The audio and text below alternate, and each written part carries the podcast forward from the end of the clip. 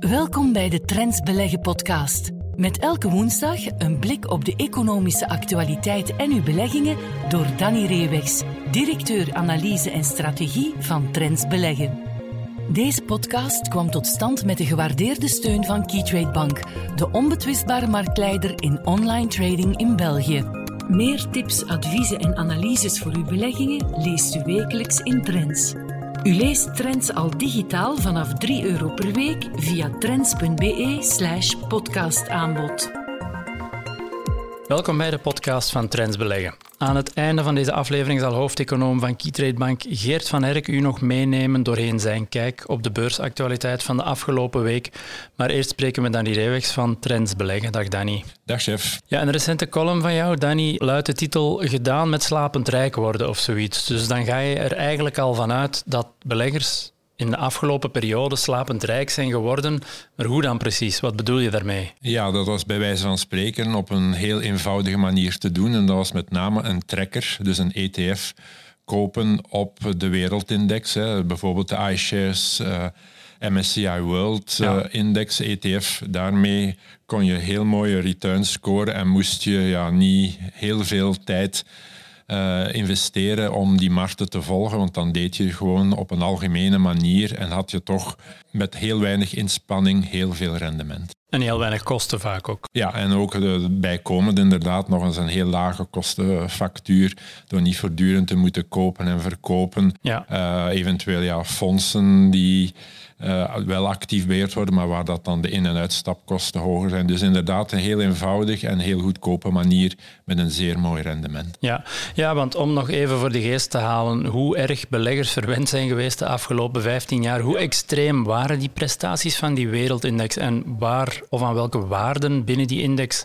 was dat precies te wijten? Ja, dus een buy and hold op die uh, wereldindex, op die uh, trekker. Ja, die gaf uh, sinds de bankencrisis tot vandaag zitten we aan 12,5% gemiddeld rendement per jaar. Nu, dat is uh, een stuk boven wat we normaal gezien de voorbij 100 of lange termijn zien. Hè. Dat is 8 à 9 procent ja. investeringen in aandelen. Als we kijken tot periode dat de rente is beginnen stijgen tot oktober 2020, ja, dat was dat 13,5, maar dat is ook periode geweest tot 2020 of tot eind 21, dat je aan de buurt kwam van 15 procent. En als je 15 procent gemiddeld per jaar hebt, dan verdubbelt je kapitaal elke vijf jaar. Dus dat betekent maal vier op, op tien jaar. Dus dat is wel enorm uh, mooi, mooi rendement voor weinig of geen uh, inspanning. Bovendien, de meeste van die tijd was de rente zo goed als nul, de inflatie zo goed als nul. Dus het was dan nog niet alleen nominaal, maar eigenlijk nog in reële termen ook het geval. Ja, en het was dan ook nog vooral te danken aan een bepaald aantal, een beperkt select groepje bedrijven in die index die ervoor gezorgd hebben. Ja, wat we ook gezien hebben naarmate die tien, uh, voorbije tien jaar, ja, dat het gewicht van de grote techbedrijven, van tech in het algemeen, heel sterk is toegenomen. Hè. Die bedrijven zijn ja, van enkele honderden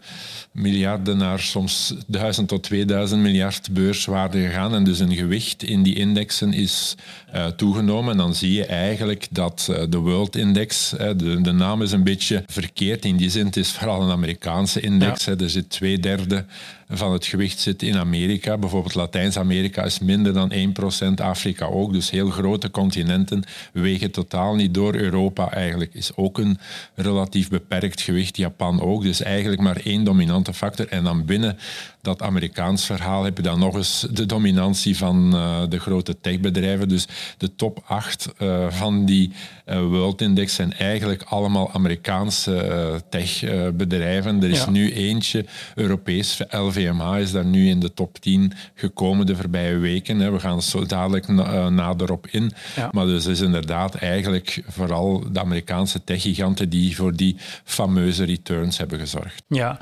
En dan de volgende vraag is, wat is er nodig opdat die prestaties zich in de toekomst nog zouden verder zetten? Nu, uit de titel van jouw stuk kunnen we al min of meer afleiden dat jij denkt dat dat niet zal gebeuren, maar Ja. wat zou er nodig zijn om, dat- om dat elan, op dat elan verder te gaan? Ja, dus wat we gezien hebben was de unieke combinatie, denk ik, van een afwezigheid van inflatie, waardoor dus de rente zeer laag kon blijven en ook altijd met lager ging. En waardoor vooral dus die tech-aandelen altijd maar een hogere waardering konden meekrijgen. En ook de bedrijfsresultaten door de rugwind, hè, de vrij grote economische stabiliteit. We hebben eigenlijk in die periode nauwelijks uh, recessies gekend. Mhm. Zeker geen enkele langdurige.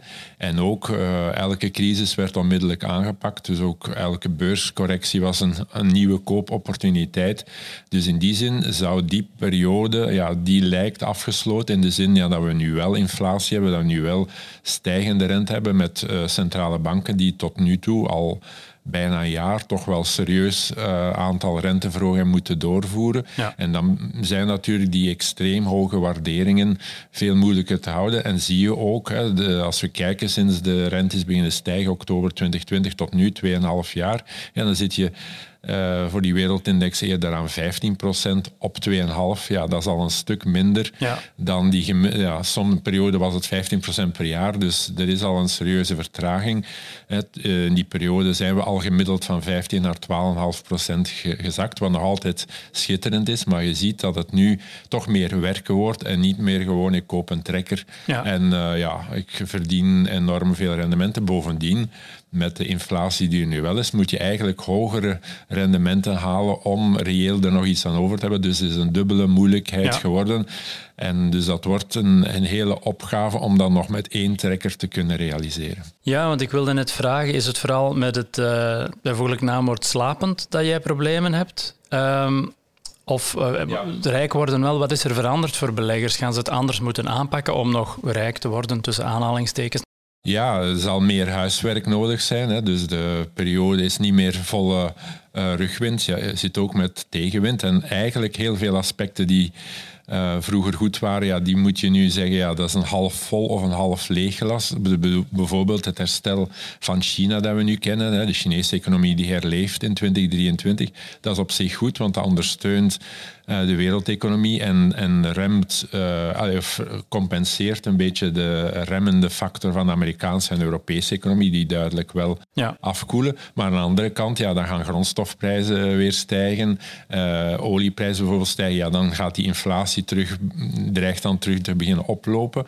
Dus eh, altijd, eh, elke factor kan je positief, negatief bekijken. En dat zal ook de, zullen de markten ook veel wispelturiger zijn. Dus in die zin moeten we verder kijken dan alleen maar die ene trekker. Als we uh, denken nog altijd een zeer mooi rendement te maken dit, uh, dit, de, dit en de komende jaren. Ja, ik onthoud, het wordt meer werken voor beleggers. Goed. Uh, dan komen we bij de aandelen van deze week. Dat zullen er uitzonderlijk drie zijn. Zullen we wat korter houden. Maar de eerste is ASML, de Nederlandse producent van chip productiemachines, om het zo maar te noemen.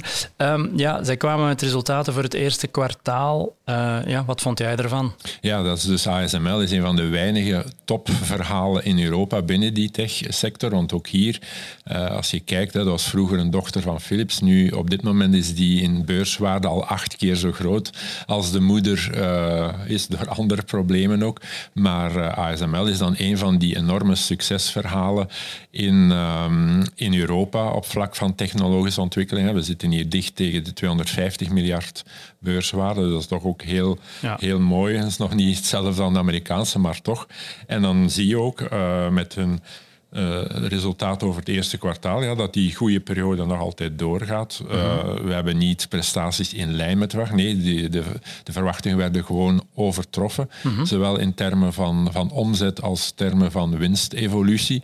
Dus dat, zit, dat groeiverhaal dat gaat duidelijk nog altijd uh, door. Bijvoorbeeld de omzet 6,7 miljard euro, waar er 6,1 à 6,5 verwacht was. Dus gemiddeld 6,3. Ja, dan spreken we toch over een outperformance van 6, 7 procent ten opzichte van de verwachtingen. En dat is voor een bedrijf waar de verwachtingen toch redelijk hoog rond liggen, is dat echt wel een prima prestatie. Ja, dus je zou kunnen stellen, alles gaat ASML voor de wind, maar toch, koersgewijs, zien we dat niet meteen terug. En ook, ik weet niet wat jij van de waardering vindt momenteel, maar daar zijn misschien ook wel een aantal vraagtekens bij te stellen. Ja, het was typisch dat de koers wel terugviel, omdat men uit dat kwartaalrapport één negatief element haalde, met name de nieuwe orders. Hè. Uh, op dat vlak ja, kwamen we van 7 miljard en zakken we terug naar 3,7.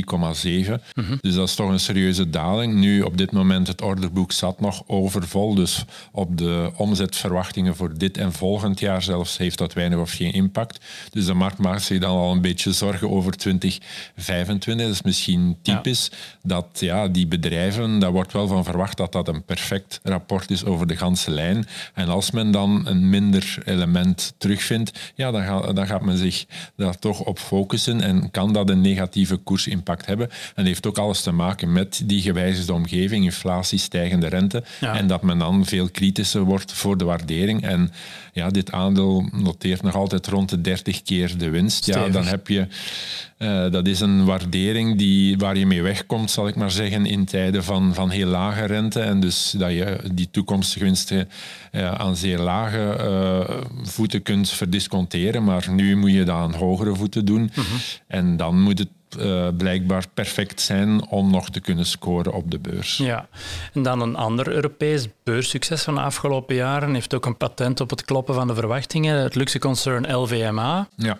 kwam ook met uh, kwartaalresultaten. Ja, hoe lagen die in lijn ten opzichte van de verwachtingen? Ja, die waren echt fantastisch. Ver boven de verwachtingen. Een bedrijf van die omvang en nog een 17% omzetgroei autonoom, dus zonder rekening te houden met de acquisities, dus met overnames en desinvesteringen, dan nog kunnen realiseren, terwijl de markt op ongeveer 9% of zelfs niet volledig. Dus dat is bijna het dubbele van de verwachting. Ja, dan moet je toch zeggen, ja, dat, eh, het is een traditie, maar je moet die toch altijd waarmaken. En dat heeft LVMA opnieuw kunnen doen. En ze zijn dus daarmee beloond met dus die tiende plaats op de wereldranking als van de grootste beurskapitalisaties. De eerste keer sinds lang dat daar een, terug een Europees bedrijf tussen zit. En ze staan op het punt om de kaap van 500 miljard, uh, beurswaarde, uh, eh, 500 miljard dollar beurswaarde te overstijgen. Dat zou de eerste keer in de geschiedenis zijn dat een Europees bedrijf daarin zou slagen. En bovendien, het is dan nog geen techbedrijf. Nee, maar ja, ook dit succes. Um, één, Zag je er iets van terug in de beurskoers? Werd dat gevierd door de beleggers? En twee, gaat ook wel gepaard, net als bij ASML, met een stevige waardering, denk ik. Ja, de, de koersreactie was positief en het mhm. heeft ook toegelaten aan Bernard Arnault om nog meer de, de rijkste mens ter wereld uh, te zijn. Ja. Um, maar ook daar ja, was eh, de reactie had eigenlijk veel sterker kunnen zijn, hè, gezien die enorme outperformance ten opzichte van de verwachtingen.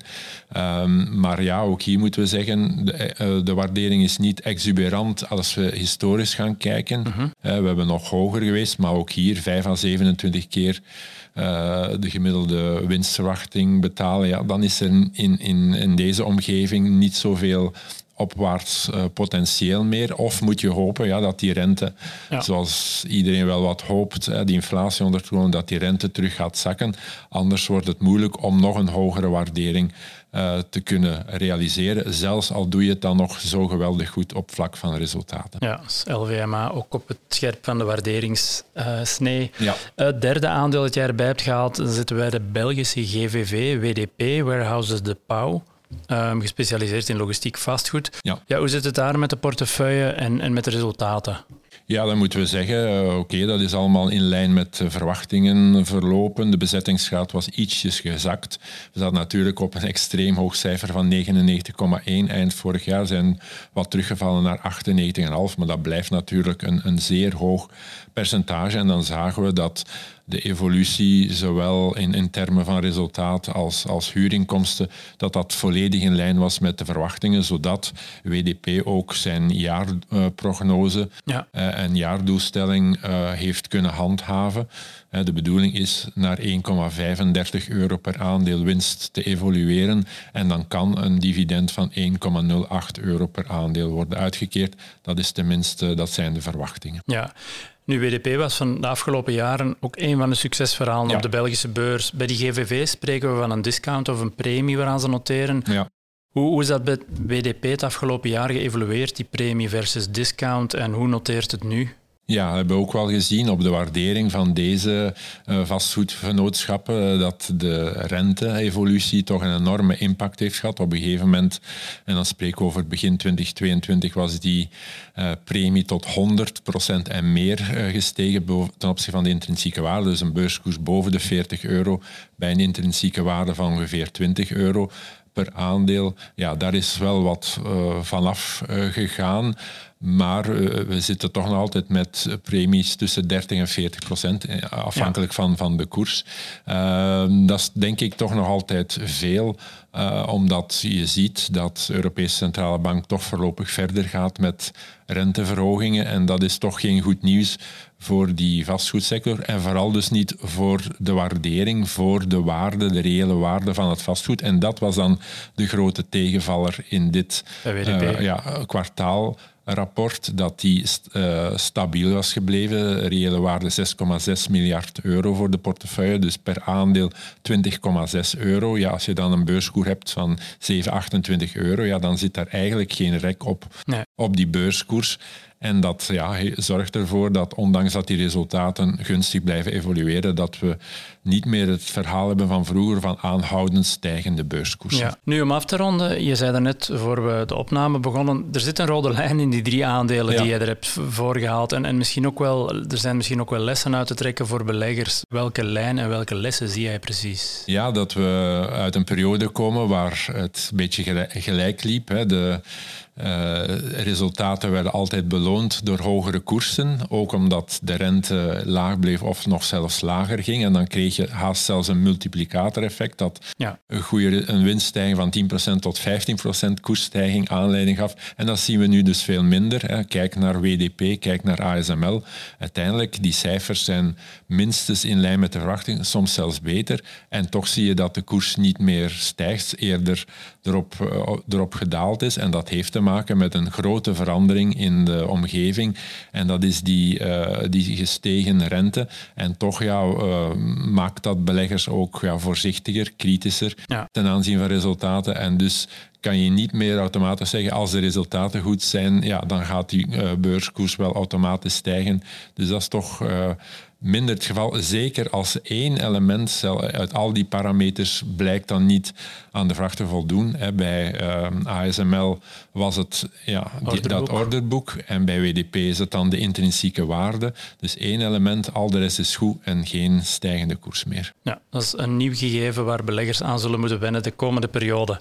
Voor deze week ben je heel hard bedankt voor jouw inzichten en graag tot volgende keer. Tot volgende keer. Dag. We luisteren nu naar Geert van Herk, Chief Economist van Keytrade Bank, met zijn analyse op een aspect van de economische actualiteit. Hallo iedereen en welkom bij onze wekelijkse bijdrage aan de Trends Beleggen podcast. Ja, we naderen het einde van de maand april. Een maand april ja, die denk ik weinig spectaculairs heeft opgeleverd uh, op de internationale beurzen. Europa bevestigt. Europa doet het al een hele tijd eigenlijk vrij goed uh, op de beurzen vanuit een regionaal standpunt. Dat zien we ook in de maand april bevestigd. Amerika blijft wat achter. Dat is natuurlijk ook voor ons in euro een beetje een, effect van een, dalende dollar bij. Maar als we nu op het einde van de maand april een beetje het sentiment uh, onder de beleggers proberen in kaart te brengen, proberen in beeld te brengen, dan valt het eigenlijk toch nog op dat heel wat beleggers toch een zeker ja, voorbehoud hebben om in aandelen te stappen. We zien toch redelijk wat pessimisme, zeker in de Verenigde Staten. Misschien minder in Europa. Ja, dat komt natuurlijk ook omdat die Europese beurzen zo goed presteren. En denk ik Europese en Belgische beleggers toch vooral Europese en Belgische aandelen in hun portefeuille gaan stoppen. Dus ja, vanuit sentimentstandpunt, zeker in Amerika, zie je toch heel veel pessimisme. Zo was er afgelopen weekend een rondvraag onder uh, ja, bekende Amerikaanse beursanalisten. En men verwacht eigenlijk naar het jaareinde toe weinig winst. Uh, men verwacht eigenlijk dat de S&P 500 een beetje zal eindigen op het niveau waar we op dit moment noteren. Dus ja, opnieuw, het is weinig optimisme om te zeggen van ja, kijk, uh, we, verwachten toch dat die beurzen uh, sterk gaan blijven. Het is het moment om in te stappen. Nee, men geeft eigenlijk de boodschap van ja, er is eigenlijk weinig potentieel. Ja, het kan dan ook niet verbazen dat de meeste beleggers ja, een beetje op dit moment hun schouders ophalen om in de beurs te stappen. We zien ook in de Verenigde Staten dat er enorm veel ja, shortposities zijn op de S&P 500. Dus heel veel grote, kleine beleggers, denk ik, hebben posities ingenomen, uh, waarbij men er eigenlijk vanuit gaat van ja, we verwachten eigenlijk uh, dat die beurs uh, gaat dalen. Ik denk dat een belangrijke reden die daarin meespeelt is ja, als we naar de S&P 500 kijken, die zit toch al maanden in zo'n beetje een, horizontale beweging tussen grosso modo ja, 3800, 3900 punten aan de onderkant, 4200, 4300 punten aan de bovenkant. Er gebeurt niet veel, we bewegen eerder zijwaarts. Ik denk dat beleggers natuurlijk ook een beetje wachten op een koerskatalysator. Gaat dat ja, de Amerikaanse centrale bank zijn, die misschien binnenkort gaat zeggen van ja, we gaan de rente nog eens verhogen, maar dan ja, gaan we een beetje de blok opleggen. We gaan het niet meer verhogen. Dat zou denk ik heel wat uh, optimisme uh, in de markt kunnen sturen, waardoor beleggers gaan zeggen van ja, nu gaan we toch wel volop aan, het kopen. Maar algemeen gesproken, zeker in de Verenigde Staten, zie je toch weinig uitbundigheid uh, onder de beleggers. En ja, vanuit een lange termijn standpunt is dat toch wel dikwijls heel interessant als het sentiment niet zo uitgesproken positief is om dan toch posities op te bouwen. Een commentaar die ook vaak hoort is ja, maar die Amerikaanse beurs die wordt toch eigenlijk maar op dit moment gedreven door een aantal grote technologieën technologieaandelen die eigenlijk verantwoordelijk zijn voor het grootste deel uh, van de winst. Ja, dat klopt.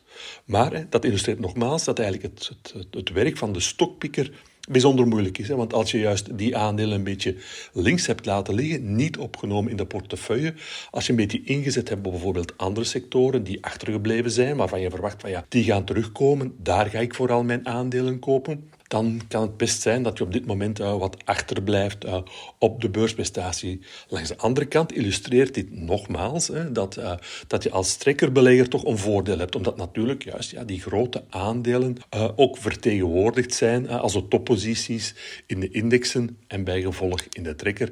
En zodanig uh, profiteer je daar natuurlijk ook van, van die enkele namen die inderdaad uh, zorgen voor het grootste deel uh, van de beurswinsten. Dus ja, al bij al, denk ik, moeten we toch constructief blijven. Want als we kijken naar ja, de trendanalyse, is het nog altijd zeer duidelijk dat ja, de meeste toonaangevende indexen boven hun 200 daags gemiddelde blijven noteren. Zeker in Europa. Dat is een eerste positief signaal. We zien eigenlijk ook, ja, als we een beetje vrij simpele technische analyse gaan toepassen op de grafieken, dat je nog altijd een patroon ziet van hogere bodems. We hebben een bodem gezet in oktober van vorig jaar. In december hebben we een hogere bodem gezet.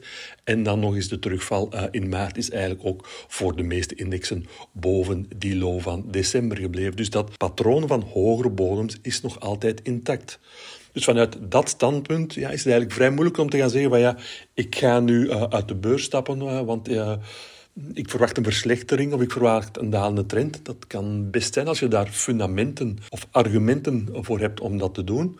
Maar, hè, zoals gezegd, ja, ik wacht meestal op signalen. En als ik die signalen zie, dan ga ik reageren en ga ik mijn portefeuille aanpassen aan de nieuwe realiteit. Opnieuw, tot op de dag van vandaag zien we eigenlijk vanuit een technisch momentumstandpunt geen enkel signaal om te zeggen van ja, de stijgende trend op de beurzen is voorbij. Het moment is nu aangebroken om minder risico in mijn portefeuille te stoppen. Dus al bij al behouden we eigenlijk op dit moment nog altijd een vrij constructieve houding uh, ten opzichte van de beurs. Vorige week is ook nog eens duidelijk gebleken uh, vanuit het economisch uh, front dat ja, de westerse economie nog altijd in vrij goede gezondheid blijft. Dus de PMI-cijfers of de vertrouwensindicatoren onder de bedrijfsleiders, de PMI-cijfers, ja, die bevestigen nogmaals dat zowel in Europa als in de Verenigde Staten de economie herstelt, de economische groei terug ja, een hoger pijl begint op te zoeken. Dus daar eigenlijk ook zie je geen signaal om te zeggen, ja, we gaan nu terug naar een recessie. Dat is negatief voor de bedrijfswinsten. Dus ik vind daar een argument om mijn aandelenblootstelling uh, te gaan veranderen. Dus uh, voilà, denk ik eigenlijk dat alles op dit moment nog altijd wijst in de richting van aandelen. We moeten wel flexibel blijven, maar we gaan pas flexibel optreden als we signalen krijgen als de beurzen van richting veranderen. Bijvoorbeeld, ja, wat zou een signaal kunnen zijn? Dat we opnieuw onder de 200 daags gemiddelde beginnen te komen. Opnieuw, dat is vandaag de dag zeker niet het geval. We gaan daar ook niet op anticiperen. Als het signaal daar is, eh, gaan we pas reageren. Dus opnieuw, blijf de, denk ik, van de dag van vandaag in aandelen zitten. Er zijn geen signalen, zowel van de technische indicatoren als vanuit de economie, die er eigenlijk op wijzen uh, dat een meer defensieve houding uh, de ideale strategie is op uh, dit moment. Vanuit een regionaal standpunt houden we eigenlijk nog altijd een voorkeur voor Europese aandelen die het al een tijdje merkbaar beter doen dan uh, de Verenigde Staten. En opnieuw denk ik, uh, we zien wat koersdalingen, wat correcties op korte termijn, ook in cyclische aandelen. Dus denk ik daar toch nog altijd uh, de focus moet liggen. We horen elkaar opnieuw volgende week, de eerste week van mei. We gaan dan opnieuw een update brengen over onze relatief momentumstrategie voor de Bel 20. Alvast dank voor uw aandacht en tot volgende week. Meer tips, adviezen en analyses voor uw beleggingen leest u wekelijks in Trends. U leest Trends al digitaal vanaf 3 euro per week via trends.be/slash podcastaanbod. Deze podcast kwam tot stand met de gewaardeerde steun van Keytrade Bank, de onbetwistbare marktleider in online trading in België. Volgende week zijn we er opnieuw.